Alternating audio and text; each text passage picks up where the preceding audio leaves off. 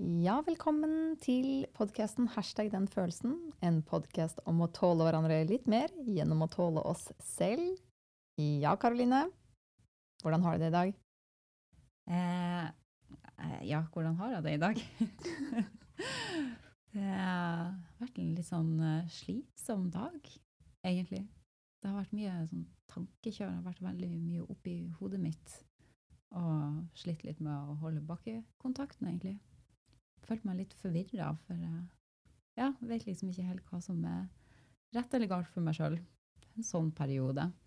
Mm. Og så har jeg jo reflektert litt over dårlig samvittighet, så har jeg jo vært innom, innom den litt òg. Og, og, kjent litt etter hvordan den egentlig er. Hva med deg? Jo, ja, sliten, men også at jeg har kjent på dårlig samvittighet. Så jeg gleder meg til å bli litt bedre kjent med den følelsen. Så da tenker jeg kanskje vi bare hopper rett inn i det. Ja.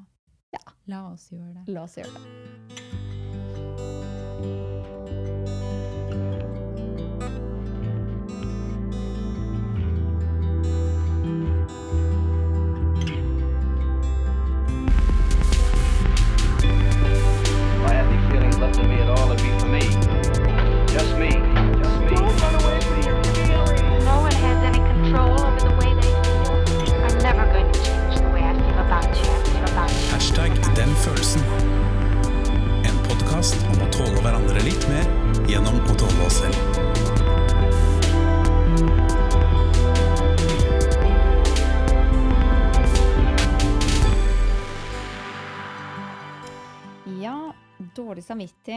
Og skyld Hvis du ser på følelseskompasset, så er skyldfølelse det er noe um, det du kjenner når du har gjort noe galt mot noen, og du vet det. Skyld er ment eh, til å få deg til å reparere det du har gjort av skade på en viktig relasjon. Og det er nært beslektet med følelsen av skam, men er gjerne mindre intens. Men i motsetning til skam er ikke ønsket å gjemme seg eller forsvinne, men heller å nærme seg den andre reparere, vise anger og si unnskyld eller hjelpe den andre. Dette handler ikke om å sikre deg at du ikke har gjort noe galt, men heller om å bevare eller gjenopprette relasjonen til den andre. Hvis du skal si unnskyld til noen du har såret, er det derfor viktig at du viser eh, faktisk genuin anger, uten å ta for mange forbehold eller gi bortforklaringer, slik at den andre kan tilgi deg. Og så sier det også tips til hvordan du kan lese mm, hvis du skal si unnskyld, da, hvis du trenger noen tips til det. Skyld er ganske vanlig som sekundærfølelse. Mange får dårlig samvittighet for følelser de har. Det kan typisk være å føle skyld for å ha blitt sint, f.eks. på en foreldre. Da er det altså ikke snakk om skyldfølelse for å ha gjort noe galt, men for å føle seg sint. Hvis du blir sint eh, og går til angrep på noen, så er skyld trolig en god ting. Men hvis du får eh, skyldfølelse for å ha følt som du følte, så er skylden sekundær. Man kan også kjenne mye skyldfølelse mot andre hvis du egentlig er redd for at de skal forlate deg. Overdreven skyldfølelse kan være problematisk og gjøre at du setter deg selv til side. Som oftest skyldes det at du på ulike måter har blitt fortalt andres um, at andres følelser og behov er viktigere enn dine egne. Du strever i så fall med å gjøre viktige ting for å ivareta deg selv og kanskje de også rundt deg. En viktig motgift mot problematisk, uh, problematisk skyldfølelse er selvhevdende sinne og å stå opp for at dine behov også er viktige. Dette kalles å endre følelser med følelser. Mm. Spennende. Mm -hmm. Mm -hmm. Og gjesten vår i dag er vår gode venninne Katrine. Eh, Katrine, ja. kan ikke du ta og fortelle litt om deg, og litt om hvordan du forholder deg til følelser? Eller ditt forhold til følelser. Og litt hvorfor du Hvorfor tror du vi har spurt deg om å komme og snakke om dårlig samvittighet og skyldfølelse? Det Svaret på det siste tror jeg er fordi at uh, dere kjenner meg godt. jeg vet at det, det, er noe som jeg føler på veldig ofte. Mm. Mm. Så, men jeg kan jo si litt om uh, hvem jeg er og hvordan vi kjenner hverandre, for det er jo litt relevant. Yeah. Vi er jo venner fra masteren, masterstudiet. Jeg har også en mastergrad i psykologi. Mm. Um, så mitt forhold til følelser er jo naturlig nok at jeg alltid har vært veldig interessert i det. Vært veldig nysgjerrig på hvordan er det vi mennesker egentlig fungerer. Hva er det som gjør at noen ser verden på én måte, mens noen andre ser verden på en helt annen måte? Um, og spesielt når det kommer til det her indre verdenen, f.eks. det her med eh, spiseforstyrrelser. Sant? At noen kan se seg sjøl så annerledes enn det verden utenfor gjør. Det har alltid vært veldig en sånn drakraft i meg. da, Sånn nysgjerrighet på, på ja, forstå mennesker, hvordan vi fungerer. Så um, det har jo selvfølgelig også ført til at jeg har vært veldig nysgjerrig på meg sjøl hele veien. Ja. Og mer nå de siste, siste årene, vil jeg påstå, enn en tidligere. Så det er veldig spennende å få lov å være her. og Jeg føler at dette kommer til å bli sånn terapi for meg. for oss òg. Ja, absolutt. ja, så bra. Mm. Um, skal vi bare hoppe rett i det, da? Snakke litt om denne skyldfølelsen og dårlig samvittigheten. Ja. Hvor sitter den i kroppen? For meg så sitter den i brystområdet, tror jeg. Da kjenner jeg det veldig der. Det er sånn åh. Ofte en sånn ekkel følelse. Men jeg kan mm. også kjenne det mer i hele vesenet mitt, hvis det gir mening. Litt sånn Den kan være litt sånn overalt. Ikke nødvendigvis på en bestemt plass i kroppen, men hvis den er veldig sterk, så er det stort sett i brystet. Jeg kjenner en sånn øh, øh. Ja.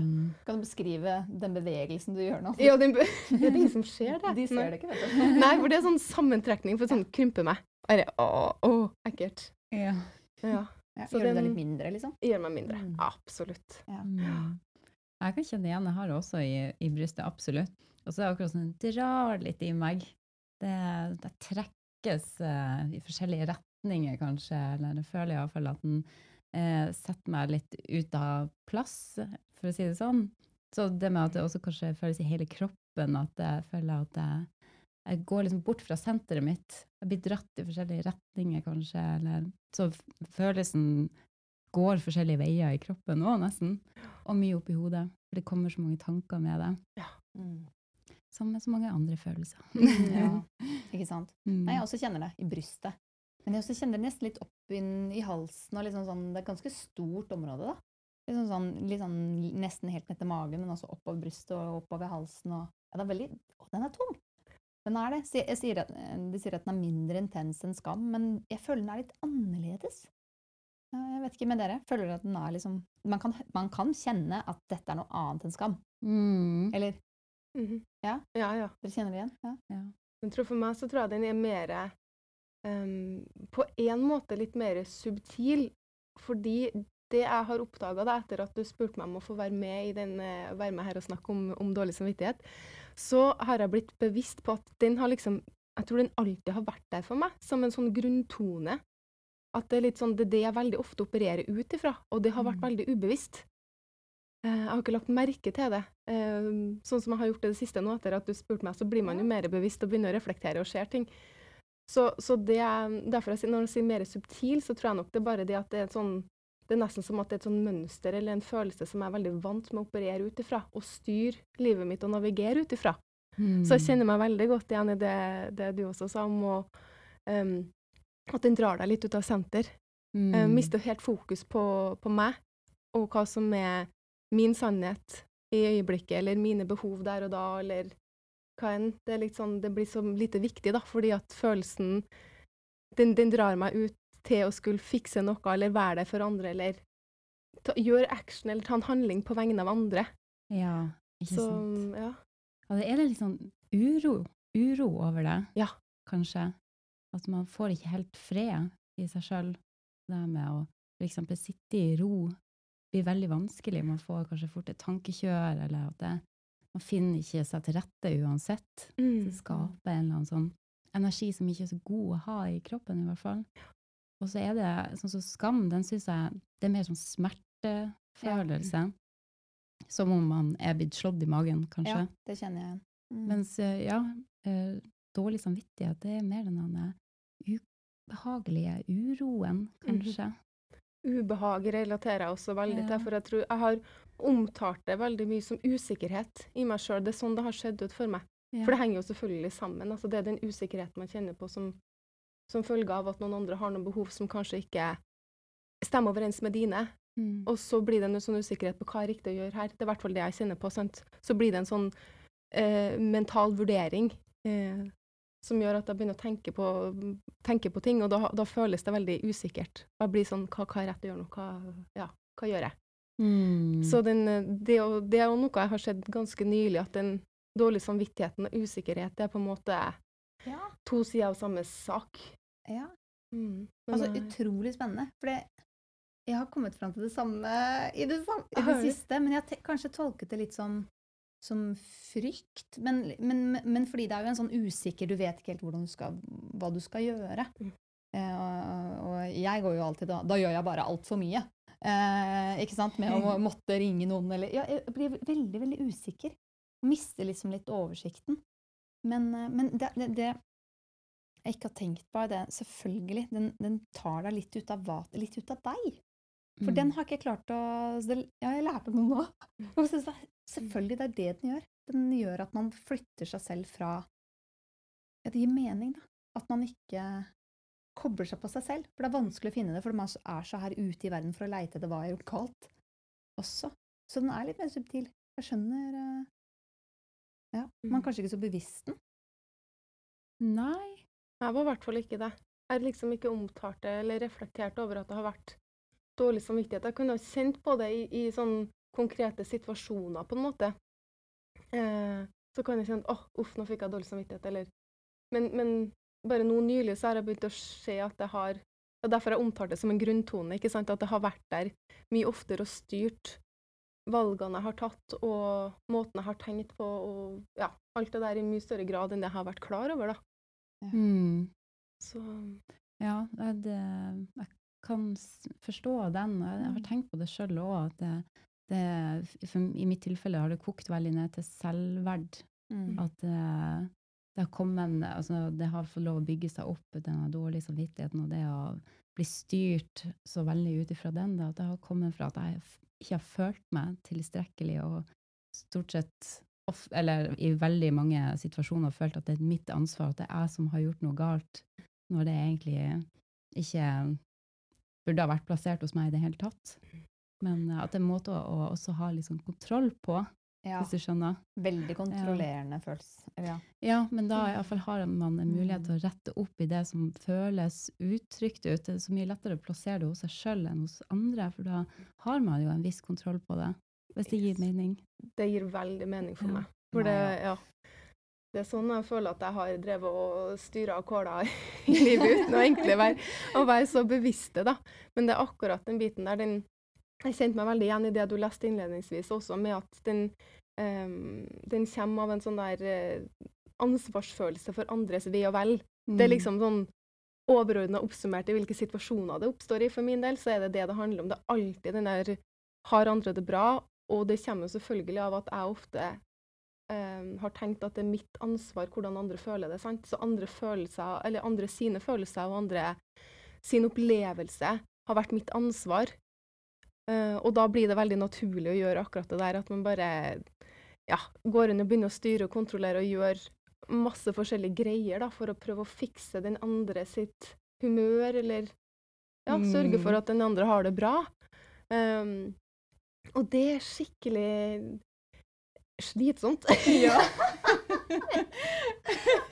det er sånn Det er jo en tappen- hel energitappende. ja, det er forferdelig. Ja. Det er drenerende. Ja, det er jo det. Man blir jo så sliten og skal ta ansvar hele tiden. Jeg kjenner meg så igjen. Mm. Den derre total, alltid ansvar og det kontrollbehovet for at Mm. alle må ha det bra hele tida. Og når blir det tid til ens egne behov? Ja. aldri. Nei. Nei. Og da kan jeg få dårlig samvittighet. Hvis jeg da tar liksom litt plass til egne behov, da, og da går det rett inn i 'å nei, nå er du ego- egoist'. Ikke sant? Det kan du ikke gjøre. Du kan ikke ta den plassen. Uh, en ting, ja, skal ikke komme ut, eller jeg kan, Jo, jeg kan ta det med en gang. Dette som har hjulpet meg, da, er dette med at jeg vil gjerne være en rollemodell. Mm. Uh, og hvis jeg krever det f.eks. av dere, da, som er venninner, så må jeg gjøre det sjøl. For det er den eneste måten folk kan lære på. Så der har jeg liksom lurt meg selv til at jeg må Ramler mikrofonen her. Oi. Eh, ja, nei, det som har det som har hjulpet meg, da, er jo dette med at eh, som hjelper mot den dårlige samvittigheten, er at jeg må være en rollemodell for mine venninner, eller fordi jeg på en måte driver Jeg preacher så jævlig. Gjør sånn, gjør sånn, gjør sånn. Men da må jeg gjøre det sjøl. Og da hjelper det hvis jeg sier litt sånn «Eh, Karoline eller Katrine, nå må dere passe mer på deres egne behov. Og så gjør ikke jeg det selv. Da er jeg litt hypocrite. Da er jeg liksom lav integritet, og det, det vil jeg jo ikke være. Og da må jeg liksom da, eh, ja, mm, Kommer disiplinen inn? ja, og det hjelper meg. Da har jeg liksom ikke så dårlig samvittighet, for da gjør jeg noe godt for andre, selv om det hjelper meg, Mm. Egentlig. Win-win. Win-win, rett og slett. Mm. Ja, for de sier jo da at uh, dårlig samvittighet er vel en av de mest misbrukte følelsene vi har. Det vil jeg tro. Mm.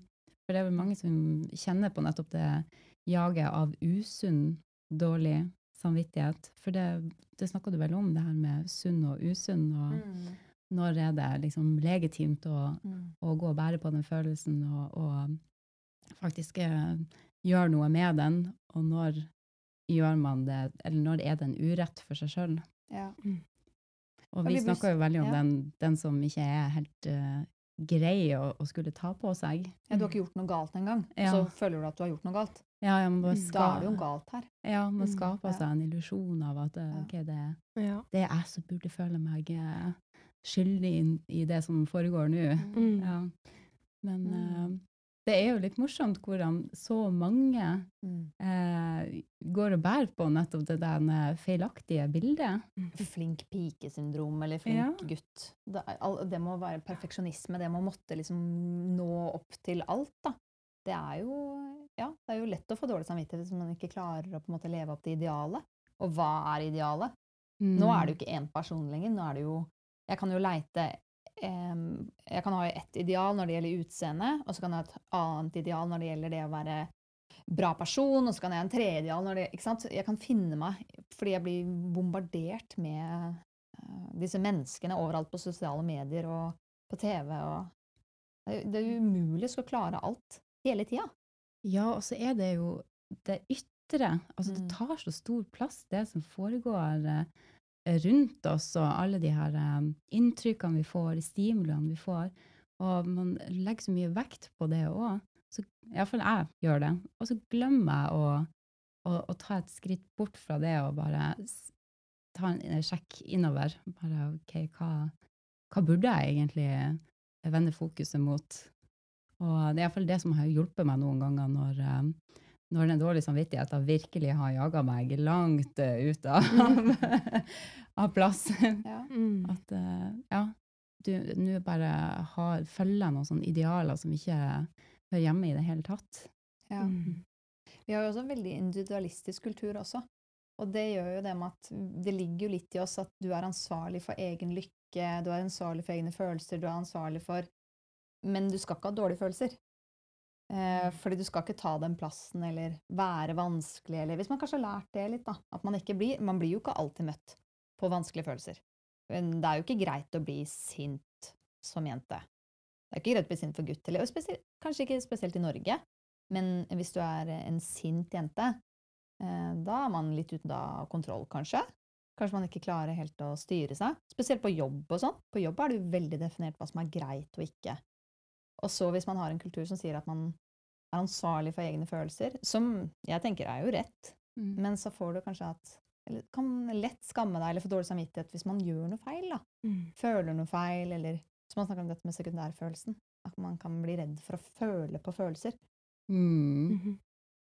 Så Det er det den dårlige samvittigheten har handla veldig mye om for min del. Den, den slår inn når jeg eh, Når jeg kjenner på følelser som jeg kanskje har et konsept eller en idé om at jeg ikke skal ha.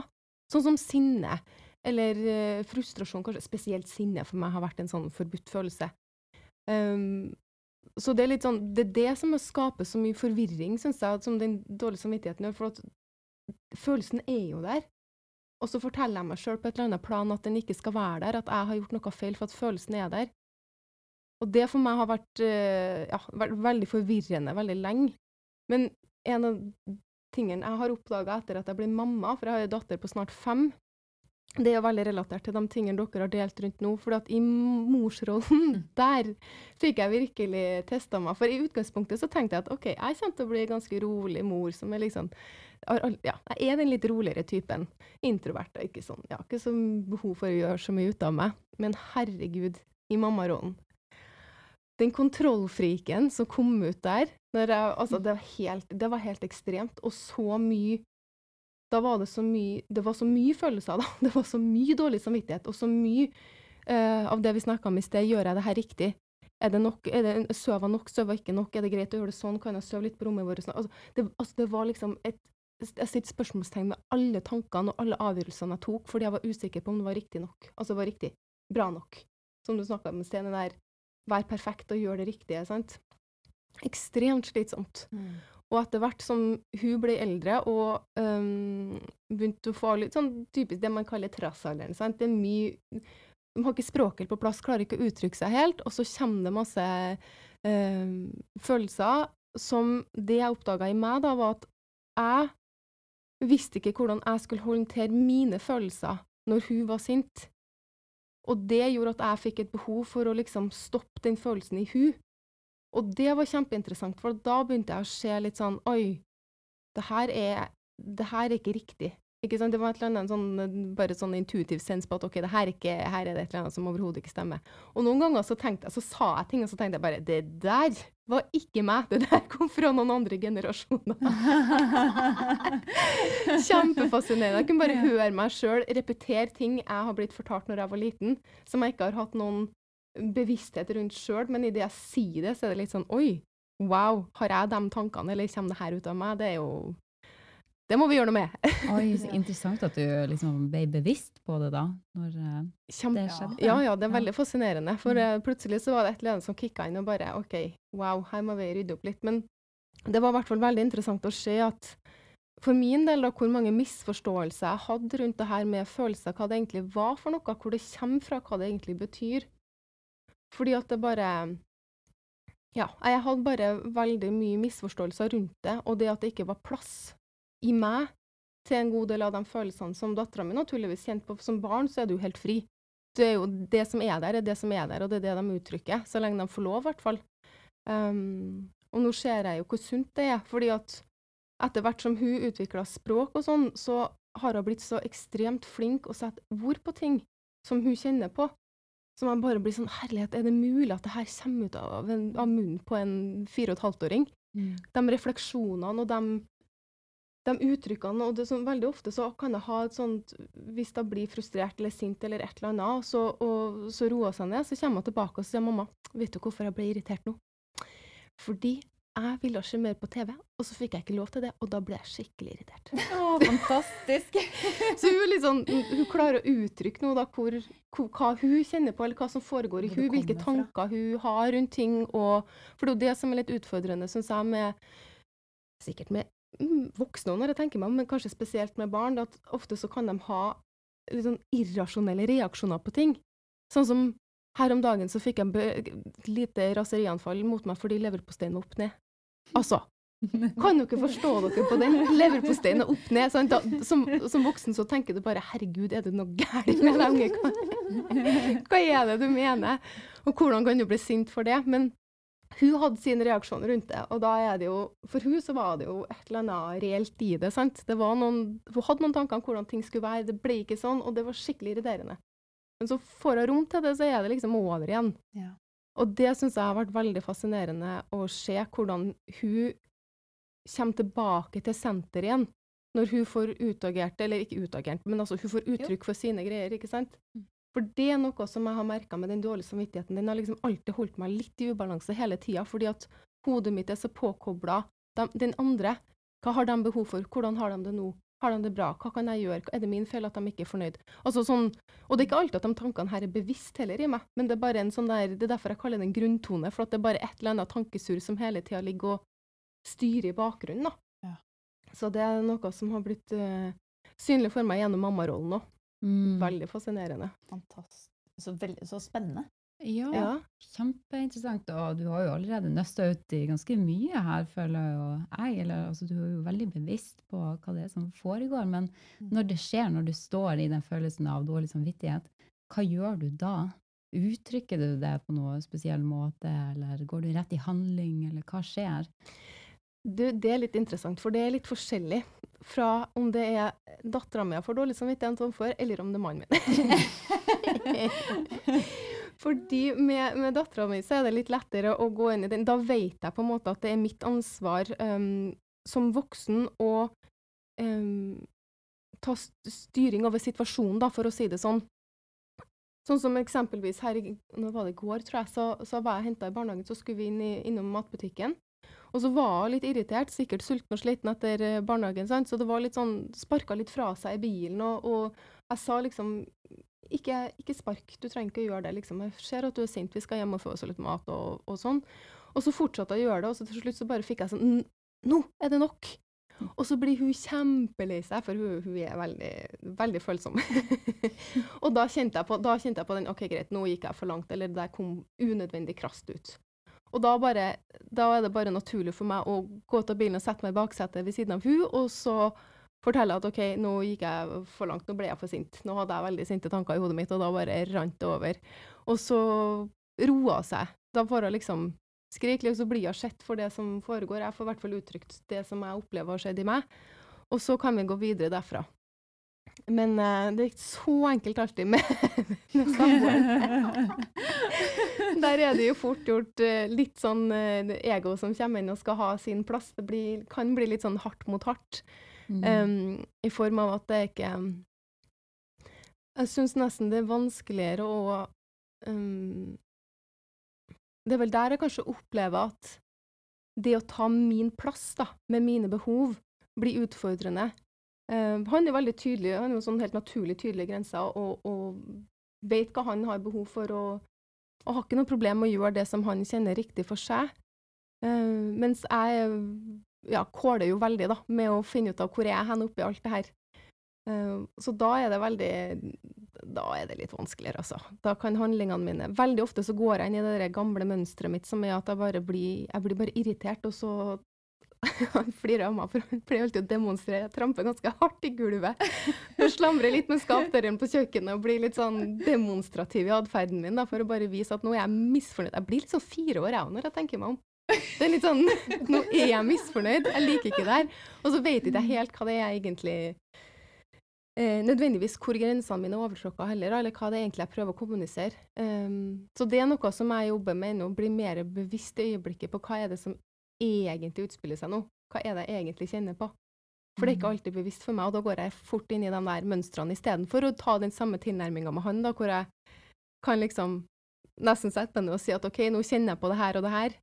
Mm. Eh, noen ganger så gjør jeg jo det òg, men, men, sånn i hverdagen med litt sånn småting og sånn som jeg fort kan fortelle meg sjøl at det er veldig uviktig, så er det Ja, da er det, da er det ikke alltid jeg tar, tar opp diskusjonen.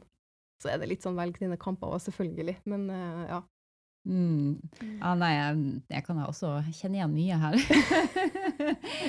Men uh, ja, at man uh, At det blir plutselig sånn vanskelig å kommunisere det når det gjelder voksne. Mm -hmm. Jeg vet ikke med deg, men jeg får iallfall mer det, jeg, Før jeg ble mer og mer bevisst på hva jeg faktisk drev på med, så var jeg den en gang påtok meg all skyld la meg flat og, og, bare sa sorry, sorry, det er bare min feil, og jeg bare bekrefta egentlig at ja, det, det, er jeg som står for ansvaret her, og det, jeg, jeg, skal passe på dine behov, og mine behov er ikke så viktige.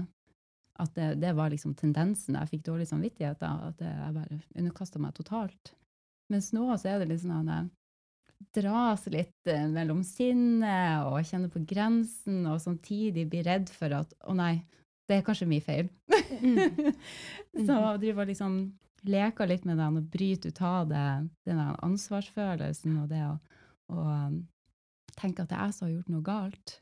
Men uh, det er litt den å velge sine kamper, da. Hva har man overskudd til? og mm. Orker man å, å, virkelig stå på sitt uh, og gjøre de her endringene, eller ta de mm. en, endrende samtalene? Mm. Ja, og der har jeg, for min del så har det skjedd også at når jeg begynte å oppdage at, at, jeg veldig ofte sa ja til ting som jeg egentlig ikke ville, så, så hadde jeg en sånn periode hvor pendelen svinga veldig i den andre retningen, og jeg begynte å si nei på trass. Ja. Helt til jeg oppdaga at søren, det der er jo heller ikke meg. Jeg trives ikke der heller. Så det er noe med at det er litt sånn av og til så må jeg bruke litt tid på å kjenne etter når jeg, når jeg blir frustrert eller kjenner på den der dårlige samvittigheten, eller egentlig hva som helst av det vi ofte kaller negative følelser. da. Jeg må bare bruke litt tid på å forstå hvor er jeg hen sjøl. Fordi at jeg har lagt merke til at veldig ofte når det er um, Hvis det er den der dårlige samvittigheten som, som, styrer, så er det Da har jeg behov for å sortere litt tanker og hva det er som egentlig foregår. Det er ikke alltid at For noen ganger så kan jeg kjenne på en sånn um, eller for å si det sånn, det kan være veldig lett å fikse opp i det jeg egentlig føler på, men det blir veldig stort inni meg. Fordi at det er, det, det er fremmed å se det. Eh, mens andre ganger så har jeg jo, hvis, det er veldig, hvis det ikke er dårlig samvittighet der, så kan jeg jo ha veldig tydelige grenser når jeg bare er sentrert i meg sjøl. Jeg liker egentlig veldig godt det begrepet, merker jeg, for at jeg føler at det er det som skjer. Mm. Når jeg er sentrert, så er det liksom ikke noe problem å si fra hva jeg har behov for, og det klarer for meg også. Men fordi at den der dårlige samvittigheten ofte drar meg av senter, så bruker jeg litt tid på å finne ut av hva jeg egentlig vil. Og så blir det kanskje ofte litt sånn Ja, litt sånn Enten så kan jeg si ofte ja da til ting som jeg egentlig ikke vil si ja til, eller Ja. Nei, det er egentlig et sånn merkelig Ja, man mister jo kontakt med seg selv. Man vet jo Mm. ikke, man blir jo redd for å gjøre feil også. Ja. Eh, ikke sant? Så man blir jo usikker. Og liksom, eh, eh, også, i hvert fall i mitt tilfelle, jeg blir veldig detaljorientert. Litt sånn derre Fordi jeg ble så redd for å Ja, men hva med på den måten? Fordi jeg skal på en måte gardere meg, eller gjøre den rette tingen. Mm. Eh, det var vel liksom Det var jo den uka som jeg fikk eh, ganske dårlig samvittighet for et eller annet som jeg hadde gjort feil. da. Og da kjente jeg på at jeg gikk ned litt sånn At det var litt sånn eh, fryktaktig. At jeg mista litt oversikten, som du sier, dette med at jeg mista Jeg, jeg forsto egentlig ikke hva som var rett og galt å gjøre. Mm. Jeg ble veldig opptatt av å ringe folk for å finne ut hvem kan hjelpe meg med dette, eh, for nå må jeg reparere. Eh, og så tenkte jeg sånn Men har jeg egentlig gjort noe galt her? Jeg vet faktisk ikke om jeg har gjort noe galt her, men, det, men jeg har dårlig samvittighet.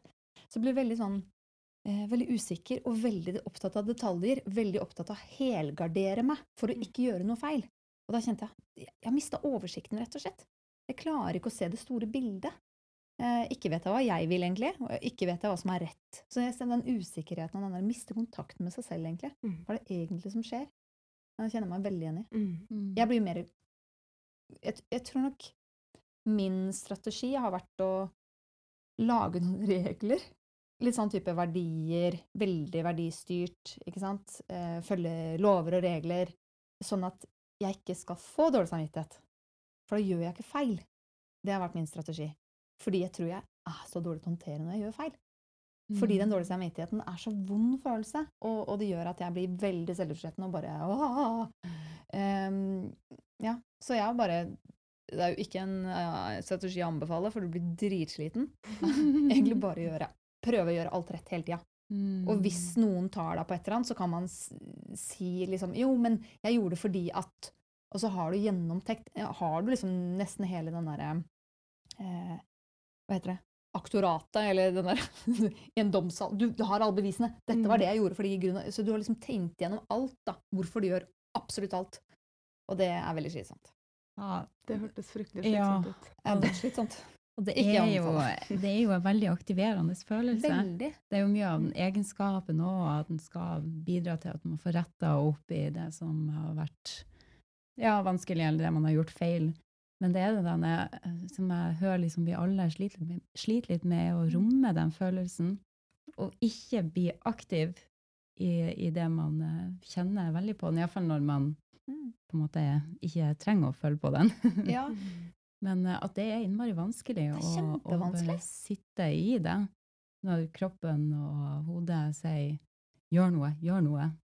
Ja, så er det så Mm. lett å på en måte I hvert fall, jeg kjenner jo på en måte dere og, meg. eh, At det er så lett at um, Selvfølgelig kan jeg bare ta på meg skylda. Hvis det er, det er nesten letteste utveien også. Uh, jeg kan si fra, selvfølgelig, hvis jeg syns ting er, er urettferdig. Og det kan jeg også føle på, fordi det er et litt sinnelement inn i dårlig samvittighet også.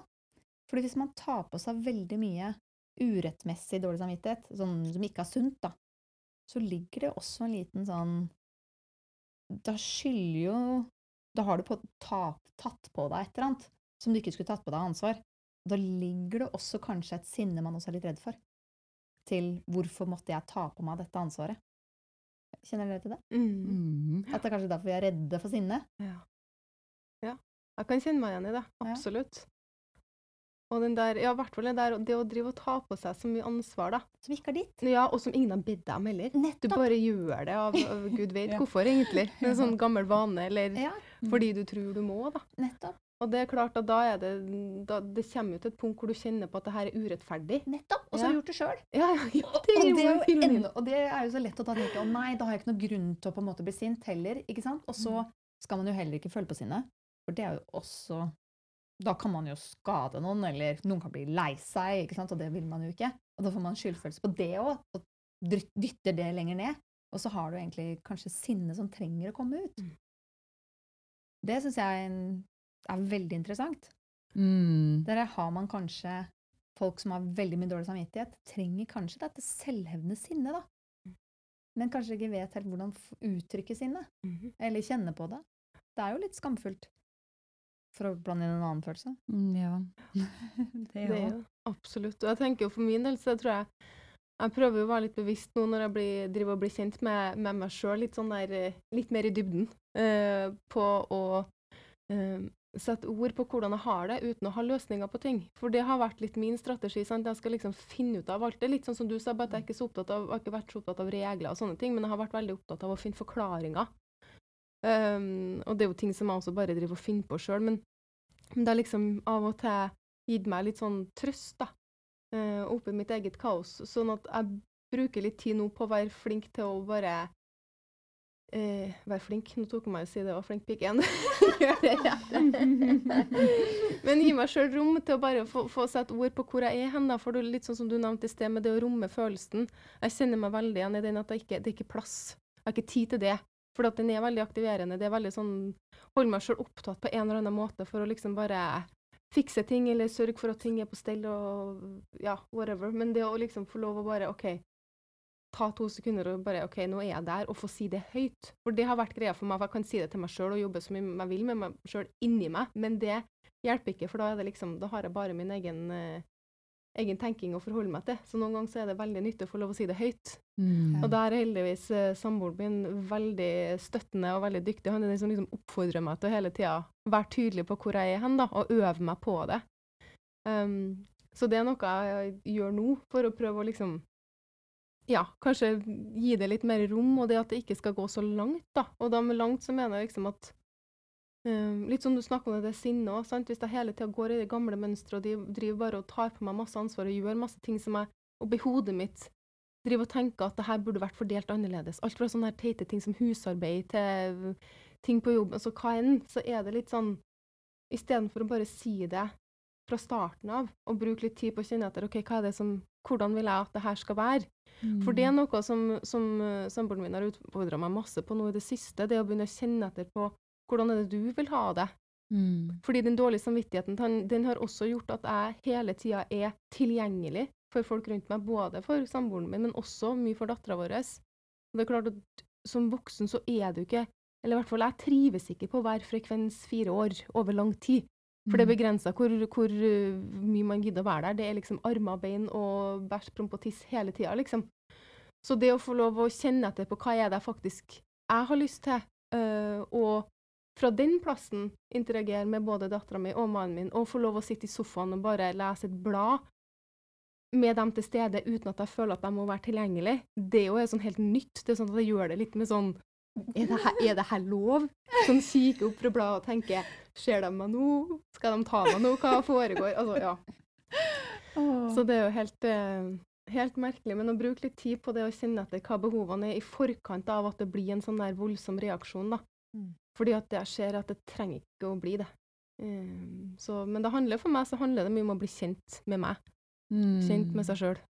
Ja, jeg tror behov er virkelig et nøkkelord her, Ja. som du nevner. Det å Hva trenger vi? Ja, Ja. og det du sier å stoppe opp og, og bare ta, ta deg litt tid til å finne ut av det. er det virkelig nødvendig å, å springe til venstre eller høyre eller begge plasser nesten. Mm. og bare hva vil jeg egentlig nå? Ja. Mm. Hva trenger jeg egentlig nå også Mm. for Yes. å ha det bra? At det er et sånn kjempefint kompass å ha med seg når Mm. det går over styr, eller at det blir for mye, rett og slett. Ja, Mm. og ikke gå i martyrfella. Med en gang man på en måte får litt dårlig samvittighet, og så sier ja, OK, greit, da, men da kan jeg, da kan jeg bare droppe den der jenteturen, ja. Det går fint, det. Jeg trenger ikke å, jeg trenger ikke å dra, ja. Nei, nei, OK. Og så står en den andre og bare ja vel, da drar jeg, da. Ja. Å ja, du gjør det, ja. OK. Og så skjønner man liksom bare, OK, jeg satte meg selv i situasjonen. i sted, man, for da går man i Ja, det er jo litt sånn sinne i det. Liksom, ikke bare gi det, men si sånn OK, hva er faktisk viktig? Mm. Ta seg selv seriøst. Det er kjempevanskelig. Mm. og i hvert fall hvis man vil ha husfred og vil at ting skal være bra. Noen ganger skal man si nei, nei, det går fint, det går fint. Og så glemmer man helt å bare sjekke inn hva, hva trenger jeg egentlig nå. Også. Mm.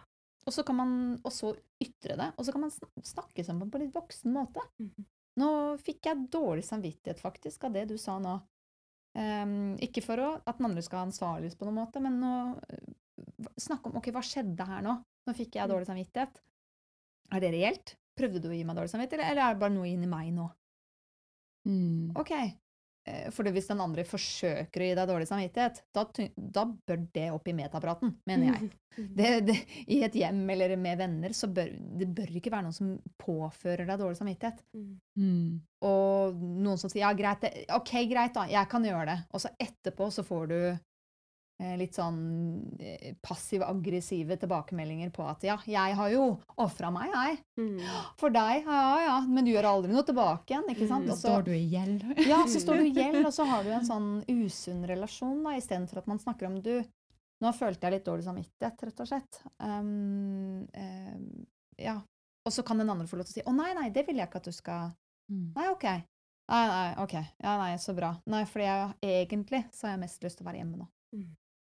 Det er det jeg trenger. Å ja, OK. Ja. Å, jeg blir litt lei om han ikke kommer, men Ja, OK. Men det går fint. OK, så er det sunne Mm. begge respekterer hverandre og ja, snakker mer sammen. Mhm. Ja, Da må man tørre å kjenne etter hva, hva skjer på innsida. det mer ærlige praten, Ja. for vi, dekker det så til. Det er så Mhm. vanskelig å komme til kjernebudskapet i det vi ønsker å si ofte. Eller jeg kan iallfall kjenne på det, og at det har vært en sånn eh, nemesis hos meg eh, lenge. At eh, også sånn hvite løgner.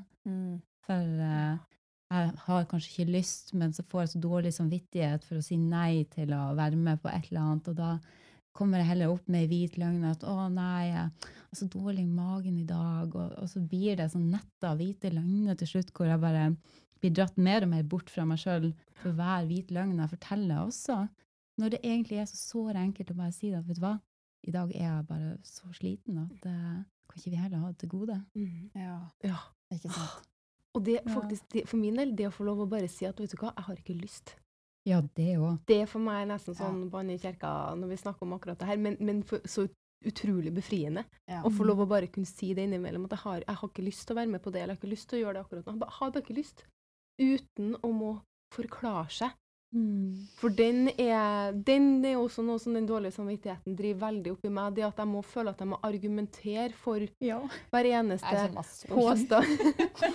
ja, hvert eneste behov eller hvert eneste ønske, så må du liksom ha en forklaring. Og det er jo ikke det at den andre nødvendigvis forventer det, men jeg driver nå og lager det og tenker at jeg må forklare det.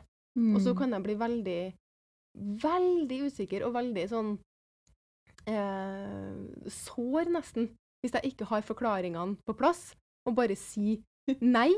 Punktum, liksom. Og det kjenner man så igjen. Og da er det sånn skjelven og bare OK, da tror jeg faktisk det den nok? der Ja. men ja, for det som du leste opp i innledninga, jeg tror da den der, der greiene med å bli forlatt, frykten for å bli forlatt, Ja. da tror jeg den bare kicker inn til meg. Så det, den der Kan jeg si det her nå, eller er jeg bare ikke bra nok for deg? Vil du gå for Altså, hva er Det er kjempefascinerende. ja.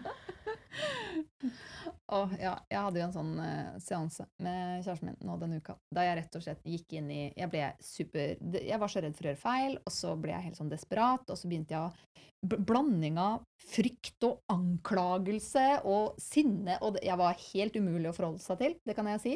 Men jeg hadde bare Jeg var veldig, veldig redd. Og så prøvde jeg å si sånn Du må hjelpe meg! Så jeg var veldig sånn krevende overfor han. Og så eh, prøvde han å hjelpe meg. Det var jo helt umulig prosjekt, fordi jeg var jo redd og ville bare at dette skulle bort, og det var ikke noe han kan trylle. Eh, så da liksom var han heller ikke god nok, og så, så videre og så videre. Og så gikk jo jeg rett inn i dårlig samvittighet etterpå. Men jeg skulle ikke føle på det, og da gikk jeg rett til Å, at han er sammen med meg. Og så, ikke sant, den derre forlatt-greia, da. Mm. Og jeg, det gikk jo noen dager, og så sa jeg jo unnskyld til han. Eh, men da klarte jeg faktisk å våkne litt og kjenne etter og si sånn OK, nå skal jeg si unnskyld for det jeg gjorde da. Mm. Ikke for at han er sammen med meg. Og det var en sånn der Oi, nå våkna jeg litt. Er det sånn jeg kan gå i tankemønstrene når jeg går i krangler? Mhm. At jeg blir så redd for å Og da kan man lett si sånn Ja, men det går fint, jeg kan bare droppe å For da blir det på en måte et større problem enn at man bare kan si unnskyld for akkurat det bitte lille som skjedde her.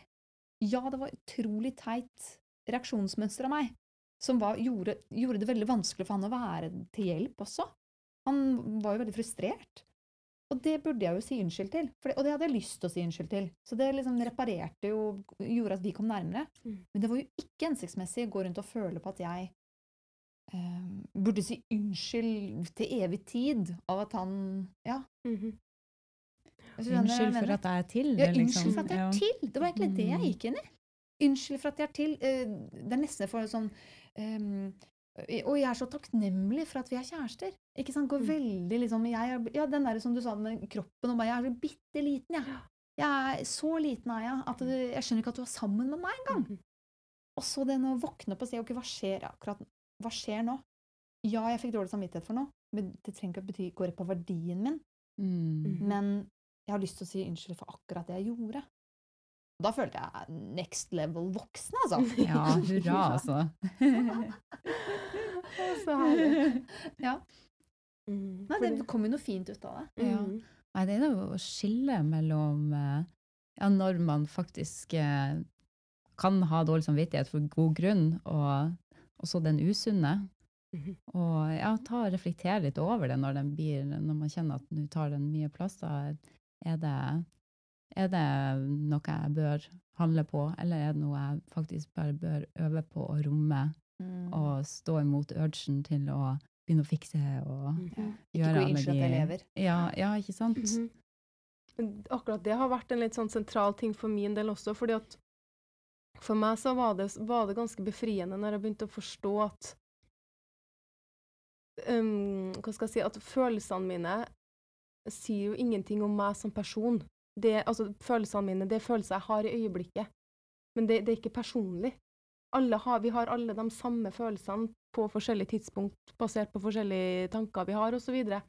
så for meg, når jeg begynte å se akkurat det der, at det var ikke en karakteristikk ved meg at jeg var en usikker person, men det var det at jeg kan kjenne ofte på usikkerhet fordi at jeg blir dratt ut av senter. At jeg har den der Hva skjer nå? Så blir det overtenking. sant? Så, da var det, da, jeg tror jeg fant en sånn der slags tilgivelse eller forståelse for meg sjøl i det. fordi at den atferden jeg da har i de øyeblikkene hvor jeg er usikker eller ikke er ordentlig balanse, den, den skyldes jo det. Den skyldes ikke meg som menneske, hvis det gir mening. Og det, kan jeg også, det er jo sånn jeg ser det i, mm. kanskje spesielt i dattera mi, da. Ikke sant? Det har jo ikke noe Hun er jo ikke et fælt barn fordi at hun av og til sparker i veggen og blir sint, liksom. Du ser jo så tydelig der at den atferden et barn har, kommer av de følelsene de kjenner på der og da. Så det begynte jeg å se også, at det gjelder oss voksne også. Og ut ifra den tilstanden altså vi kan si at vi er i til enhver tid, så vil enhver atferd faktisk gi mening. Det betyr ikke at det er greit, det er noe helt annet, men den kan gi mening fordi at ut av den virkeligheten som, som jeg opplever å være i til tider, da, basert på hvor jeg er hen følelsesmessig, så ser jo verden ut på en bestemt måte.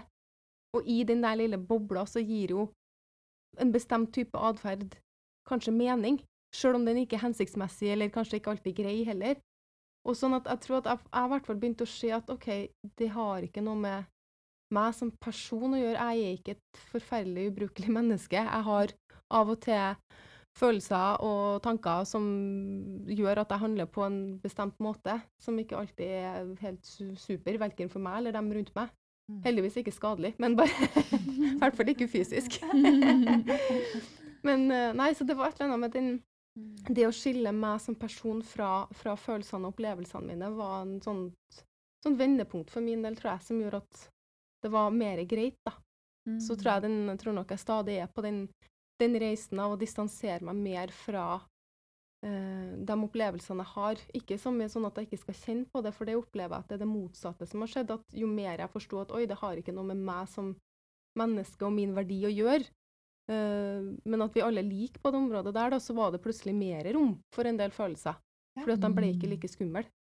Oh. Ting som jeg prøvde å skyve unna. Sant? Og ikke ville, ja. mm. Man blir mer bevisst, ikke sant? Mm. Og da tør man å se på dem ta det ut av skuffen. Det kommer ikke de forsvarsmekanismene som sier sånn Nei, det skal vi ikke se på! Mhm. Lokk den inn! Ja. Men at man liksom tør å åpne skuffen og si OK, faen. Det er faktisk Ok, nå ble jeg veldig Nå følte jeg på dårlig samvittighet, rett og slett. Mm. Er den reell? Er den ikke? Hva, hva- hva, skjedde der, egentlig? Eller sinne, eller Mm. sjalusi, eller alle de der eh, skamfulle følelsene som man liksom ikke skal føle på. Mhm. Da, da har man ja, tørre mer å være i kontakt med de og se på de. Fordi man blir ikke et fælt menneske mm. hvis man føler. Ikke sant? Mm. Man blir heller ikke fæl hvis man har behov. Nei. Det er Det har vi alle. Har behov. Ja. Mm. Ja. Det tror jeg òg mye av den dårlige samvittigheten altså gå litt mot da, det der at oi, hvis jeg har behov, da er jeg og tar plass, da er jeg plutselig en byrde, og da får jeg dårlig Mhm. samvittighet for at jeg, Ja. jeg har noen meninger som kanskje ikke harmonerer med andres meninger. Mhm. og så Vet Ja. dere, kjenner det igjen? Jo, men vet du hva, det er så kulturen. Mm. Og vi er, spesielt oss jenter, har blitt pepra inn med at vi, vi skal bare være en pyntegjenstand Mm. som bare er en god mor. Eh, eh, god og vi skal bare passe på alle og være eh, selvoppofrende osv. osv. For det er liksom på en måte godt, godt kvinnemateriale. Og dette har jo blitt fora Hvor mange eh, Før nå i de siste tidene, da, hvor mange gode rollemodeller har vi hatt på TV? Av sterke kvinner som har dårlige sider, som har behov, som ikke er eh, Hva heter det motsatte av helten i, i eh, Skurken. Ja, skurken, liksom. Mm. En kvinne som på en måte hadde veldig mye behov, var jo skurken. Mm. På samme måte som en mann som er, er følsom, er svak. ikke sant? Så Mm. Man har jo ulike typer idealer man skal være. da. Vi, vi kvinner skal jo bare være sterke, men ikke ha behovene som går utover andre. Altså liksom, Mm. det, blir sånn, det er, det er jo veldig lite rom. Mm. Vi skal passe inn i en sånn Og det kalle sterke kvinner er heller ikke Det er jo nytt at det er kult, faktisk. ja. Før så skulle kvinnene være dåne og ramme Åh! Og så kom mennene med liksom eh, hong, hong, eller de der handkerchiefene dine, lommetørklærne, og så skulle de passe på. ja. Det er jo sånn det er idealene våre har vært. da. Heldigvis er det i endring. Mm. Men det påvirker oss. Mm. Ja, virkelig. Det så- har påvirka meg. Ja. Du skal ikke ha en vanskelig kvinne. Du skal være deg sjæl, men ikke crazy. For hvis du var Mm. crazy, da fikk du ikke menn. ja, eller da var det hysterisk. Ikke sant? Det var hysterisk. Så det er jo så viktig det du sier med at man må gi plass til følelsene sine. Man trenger ikke å være følelsene sine, men det at man tillater de å få være der likevel. Det trenger ikke å karakter- bli en sånn karakteristikk Mm. likevel. Ja, for at på, Mm. på akkurat det planet der, sånn som jeg ser det, så er vi, der er vi alle helt like. Jeg tror vi alle har Mm. tilgang på nøyaktig det samme følelsesspekteret. Og de samme følelsene, for jeg tror det, det er jo bare innebygd i det å være menneske. Sånn at det for meg var veldig fint å, å innse at der er vi liksom like. Det er ikke noen, de tingene som jeg kjenner på, kjenner alle på. Mm. Uavhengig av hvem de er. Og så handler det om hvordan vi forholder oss til det. Og hvor, hvordan vi forstår det. Og det som jeg har vært veldig nysgjerrig på det siste, som handler om hvordan er det vi handler, eventuelt ikke handler på det. Og det henger jo Mm. sammen med forståelsen av hva følelsene egentlig er for noe, hva de faktisk signaliserer. Det er klart. Ja. Så det Det er to forskjellige ting, mener jeg. At man Mm. skal, du, du kan få lov til å føle absolutt hva du vil, men handlingene, det er jo det vi må Det er der du kan regulere det. Du skal ikke regulere følelsene dine på den Mhm. måten. Du skal bare akseptere at de er der. Være nysgjerrig på Mm. de og se på de og Men øh, ja, det er handlingene. De kan vi prøve å regulere. mm, I hvert fall når vi blir litt eldre. mm. Og så får, kan det få konsekvenser Mm, som gjør at man kan få ekte skyldfølelse. Det er jo vil vi jo unngå. mm. Ja. Spørsmål? Ja, vi har jo de. Føler at vi har svart på mange òg. Ja, vi har svart på veldig mye. Ja. Um, vi snakket jo om hvordan kroppen reagerer når man føler den spesifikke følelsen. Den er jo veldig slitsom, samtidig som den er aktiverende. For den på en måte Mm. tvinger deg til å gjøre et eller annet. da. Løpe og si unnskyld, eller jeg kan, Som jeg snakket sist om dette med at jeg kan kjenne fint på følelsen om det er skam eller dårlig samvittighet. For hvis jeg føler skam, så har jeg ikke lyst til å snakke om det. Men hvis jeg føler dårlig samvittighet, så har jeg lyst til å ringe noen for å si unnskyld. For ting jeg potensielt tror jeg har gjort noe galt. da. Eh, og så smaler man så fokuset, man mister liksom oversikten. Man glemmer på en måte det store bildet.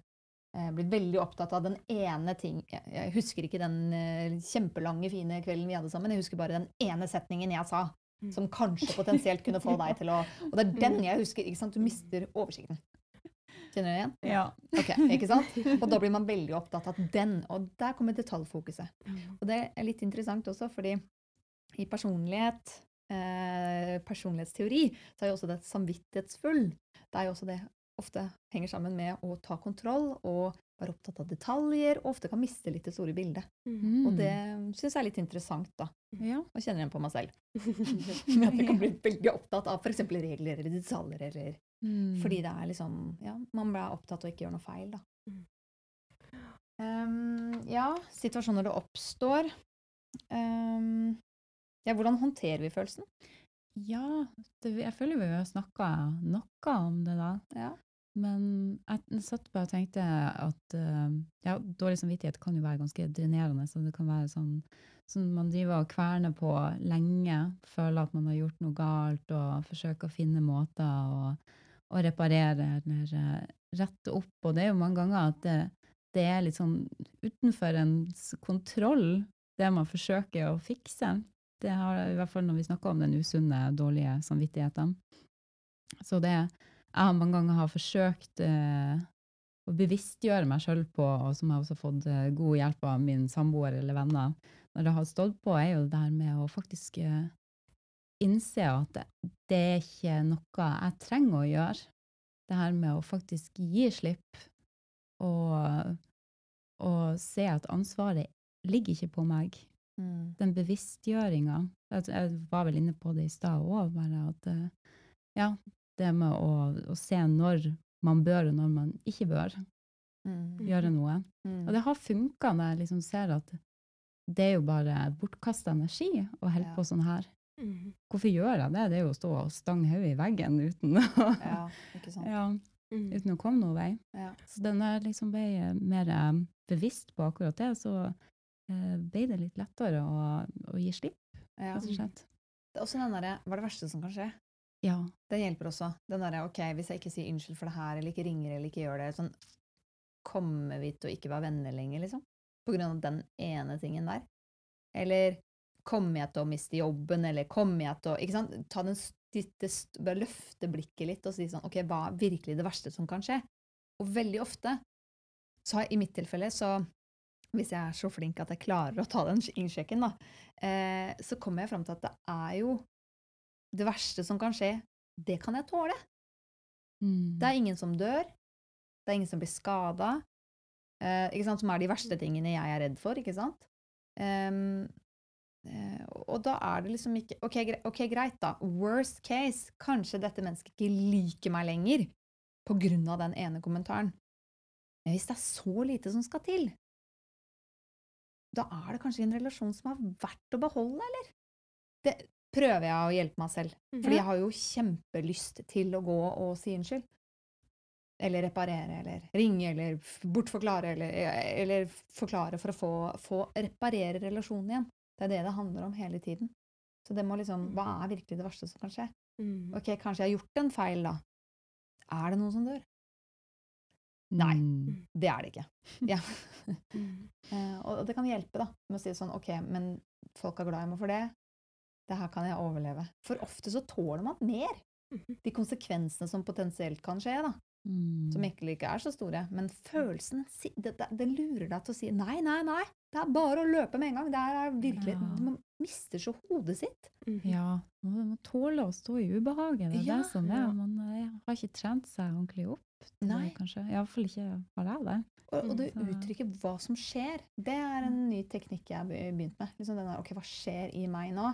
Nå har jeg lyst til å gjøre det, men hva skjer egentlig? Hva føler jeg egentlig? Stoppe hodet, Mhm. men gå til kroppen. Og jeg liker jo å kjenne i mellomgulvet. og se, Ok, hva kjenner jeg der? Og da kommer det mye mer tydelig frem. Å ja, det er den derre u... rare følelsen som jeg ikke klarer helt å ta tak i hele tida, som er dårlig samvittighet.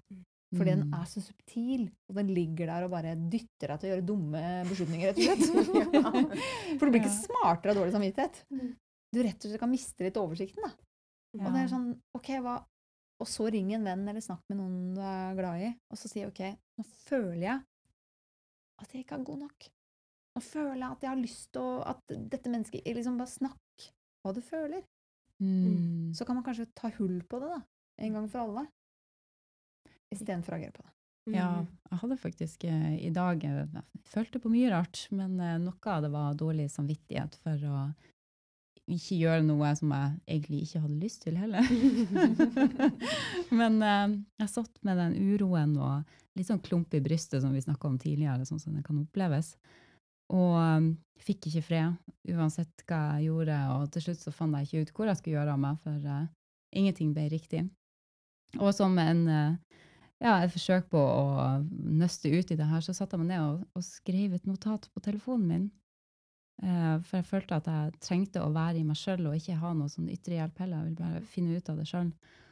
Og mens jeg nå skrev meg nedover, så kjente jeg liksom at å, bare det å få ut den der eh, tank, det tankekjøret jeg hadde, det gjorde at den dårlige samvittigheten slapp i stor grad, og det var ikke sånn om jeg jeg fikk ikke noen sånn voldsomme åpenbaringer av mine egne tanker, men det var liksom bare at jeg fikk snakka ut den energien som, som bare herja sånn i meg. Mm. Og så fikk jeg, eh, fikk jeg klarhet, bare. Jeg fikk, det, det ga slapp. Det ga slapp. Det, Det ga det ga, ga slipp! så det, det syns jeg var en veldig sånn fin eh, måte for min del, da. I Ja. hvert fall. Jeg kjenner igjen. Jeg tenker også den er veldig Det er noe som jeg kjenner igjen. Det Mm. å eh, Litt som dere begge snakker om, det å uttrykke bare det som er der, istedenfor å hoppe direkte på, på handlingene som den følelsen ofte motiverer eller inviterer til. da. Mm. Fordi at den der eh, Ja. Nei, for det, det, jeg, det jeg har merka med meg sjøl også, da, det er at det er jo når følelsene er som sterkest, at jeg oftest er mest motivert til å gjøre en eller annen form for handling, sant? hvor det liksom skal gjøre Bare for å fikse det og få det bort. Men det som er så merkelig, er jo at med en gang følelsen roer seg, så vil jo det behovet du har for å fikse, eller hvilken type atferd du ønsker å gjøre, det vil også endre seg. Så som du nettopp ga et eksempel på, at når du bare fikk skrevet det ned, så plutselig så bare forsvant følelsen, og når den ikke er der lenger, så er det ikke alltid et behov der for å gjøre noe heller. Mm. Og det syns jeg er så utrolig fascinerende, for de følelsene kan ofte lure oss inn, eller i hvert fall meg, da, inn i et sånn narrativ, en historie, som blir veldig dramatisk, og som krever masse involvering og action og det ene og det andre. Og så med en gang følelsen er over, så er jo historien som regel over også, med mindre jeg velger å opprettholde den, selvfølgelig. Men det er så håpefullt, da, fordi at jeg ser også at det er det, det, I de aller færreste tilfellene så trenger jeg å gjøre noe ut ifra det den følelsen forteller meg. fordi at enten så går den over, og hvis det er noe som er viktig for meg, hvis jeg har noen grunnleggende behov som jeg trenger å få kommunisert, så er de der også når jeg er rolig og sentrert igjen. Det er ikke sånn at det plutselig bare forsvinner og bare eksisterer eller er tilgjengelig for meg i, i kraft av den dårlige samvittigheten. Ikke sant? De behovene jeg har, er jo der uavhengig av det.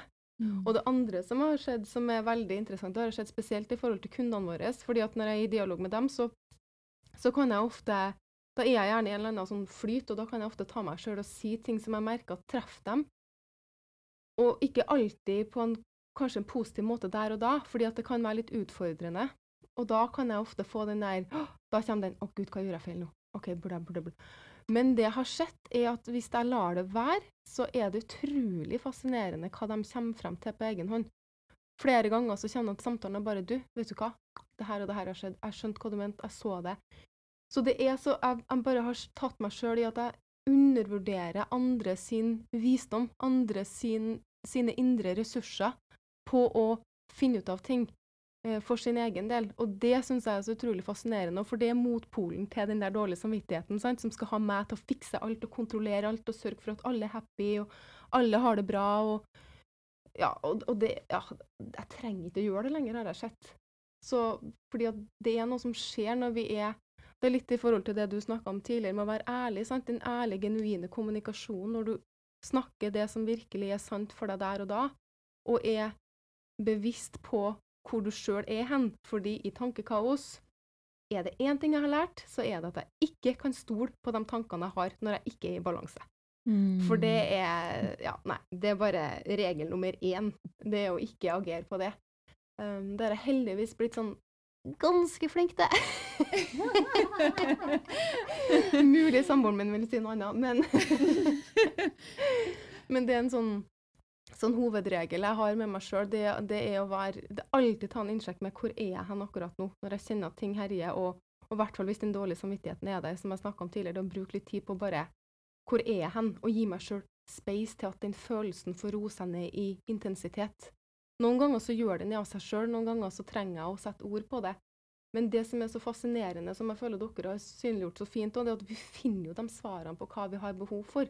For det varierer, i hvert fall for meg, fra situasjon til situasjon. Ikke sant? Og hvor jeg er hen, og hva det er som spiller seg ut. Så det er bare å ha tillit til at vi hele tida vet hvor vi skal bevege oss hen, hvis vi lytter til den kloke delen av oss sjøl, og ikke den usikkerheten og, og de eh, tankene som ofte spinnes opp som mm. følge av dårlige følelser. Så det er noen Ja, litt sånn mm. interessant eh, plass å være og utforske, mm. syns jeg. Ja, jeg syns du hadde mange gode poeng ja, der. Kjempeflott. Og, og, også det her eh, som du sier med at man må ha tillit til at andre også eh, tar sitt ansvar og mm. er klok nok til å kunne nøste ut i sine greier, at man ikke må overkompensere, og, og at man bare har eh, ja, ta ansvar for seg sjøl, at det er nok. Ikke sant. Ja. Eller hvis man er mor, da. Så. ja, men det, er en, men, ja. men det er en sannhet i det i forhold til den rollen også, som jeg har sett. fordi at det er noe med at jeg har jo lagt merke til at jeg gjør jo dattera mi bare en bjørnetjeneste hvis jeg skal være inn der og fikse og sørge for å håndtere noe som jeg var veldig det, er, det kaver jeg litt med ennå, for det er jo ingenting som er vondere enn når du ser at barnet ditt ikke har det bra. Så jeg vil jo veldig gjerne beskytte deg mot alle ting som er vondt og vanskelig. For eksempel så hadde forrige helg, eller mm, forrige mandag, så døde katta vår. Mm. Og det var jo liksom Vi skulle fortelle det til hun, hun når jeg kom hjem fra barnehagen, så var det skikkelig, det var skikkelig utfordrende. Men da fikk jeg også erfare den der visdommen som jeg opplever at barn veldig i kontakt med av natur, fordi at de ennå ikke har lært seg å være så veldig selvkritisk og selvanalytisk som det vi voksne ofte er. Så var veldig, hun var veldig lei seg i en halvtimes tid, hadde masse sånn Gikk inn og ut av sånn skikkelig gråtetokter og hadde kjempefascinerende refleksjoner eh, å dele med oss om hva hun kjente på og hva som rørte seg.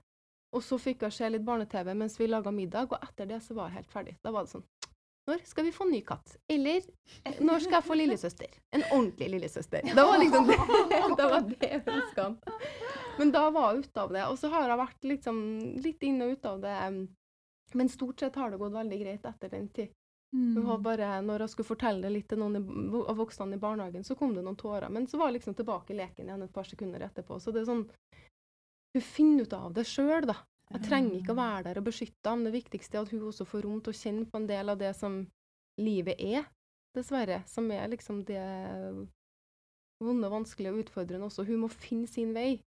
Og det, er, det gjelder jo også voksne. Hvis vi blander oss for mye inn i andre sin reise og for mye inn i andre sitt liv, sånn som jeg sikkert har hatt en tendens til å gjøre, så, så finner de ikke ut av det sjøl.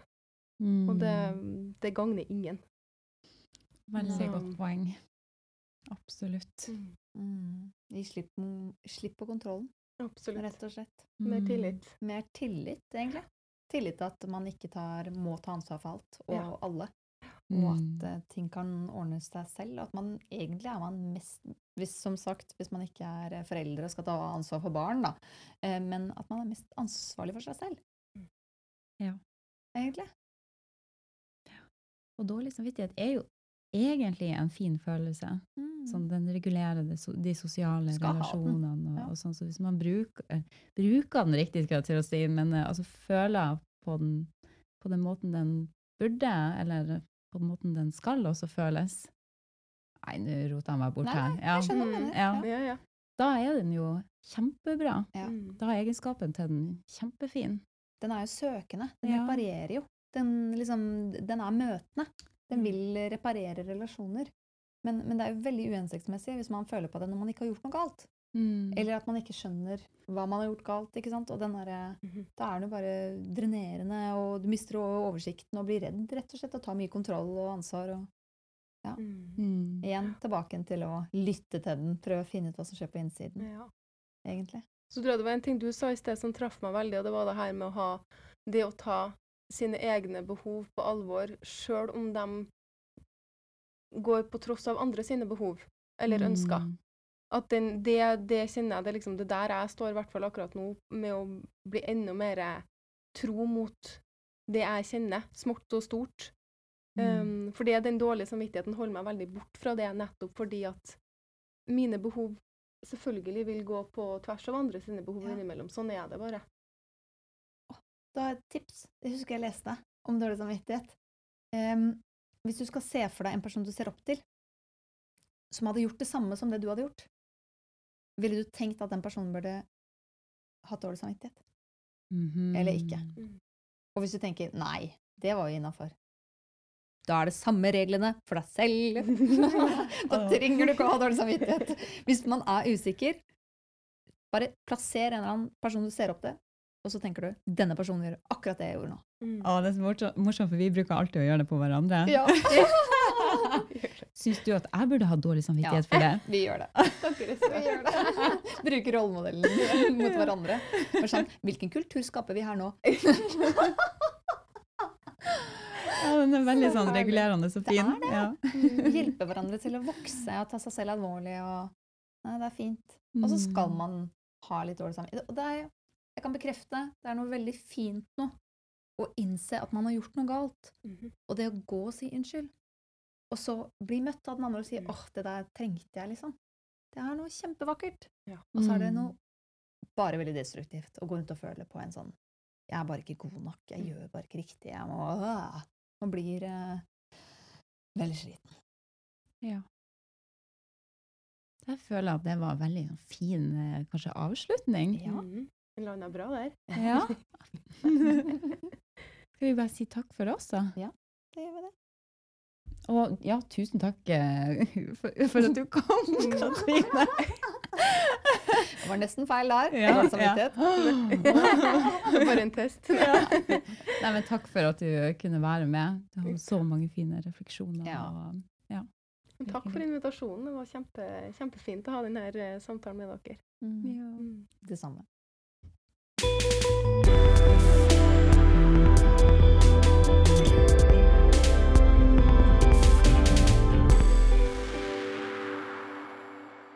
Ja, Karoline, da har vi nettopp hatt Katrine på besøk for å snakke om dårlig samvittighet og skyld.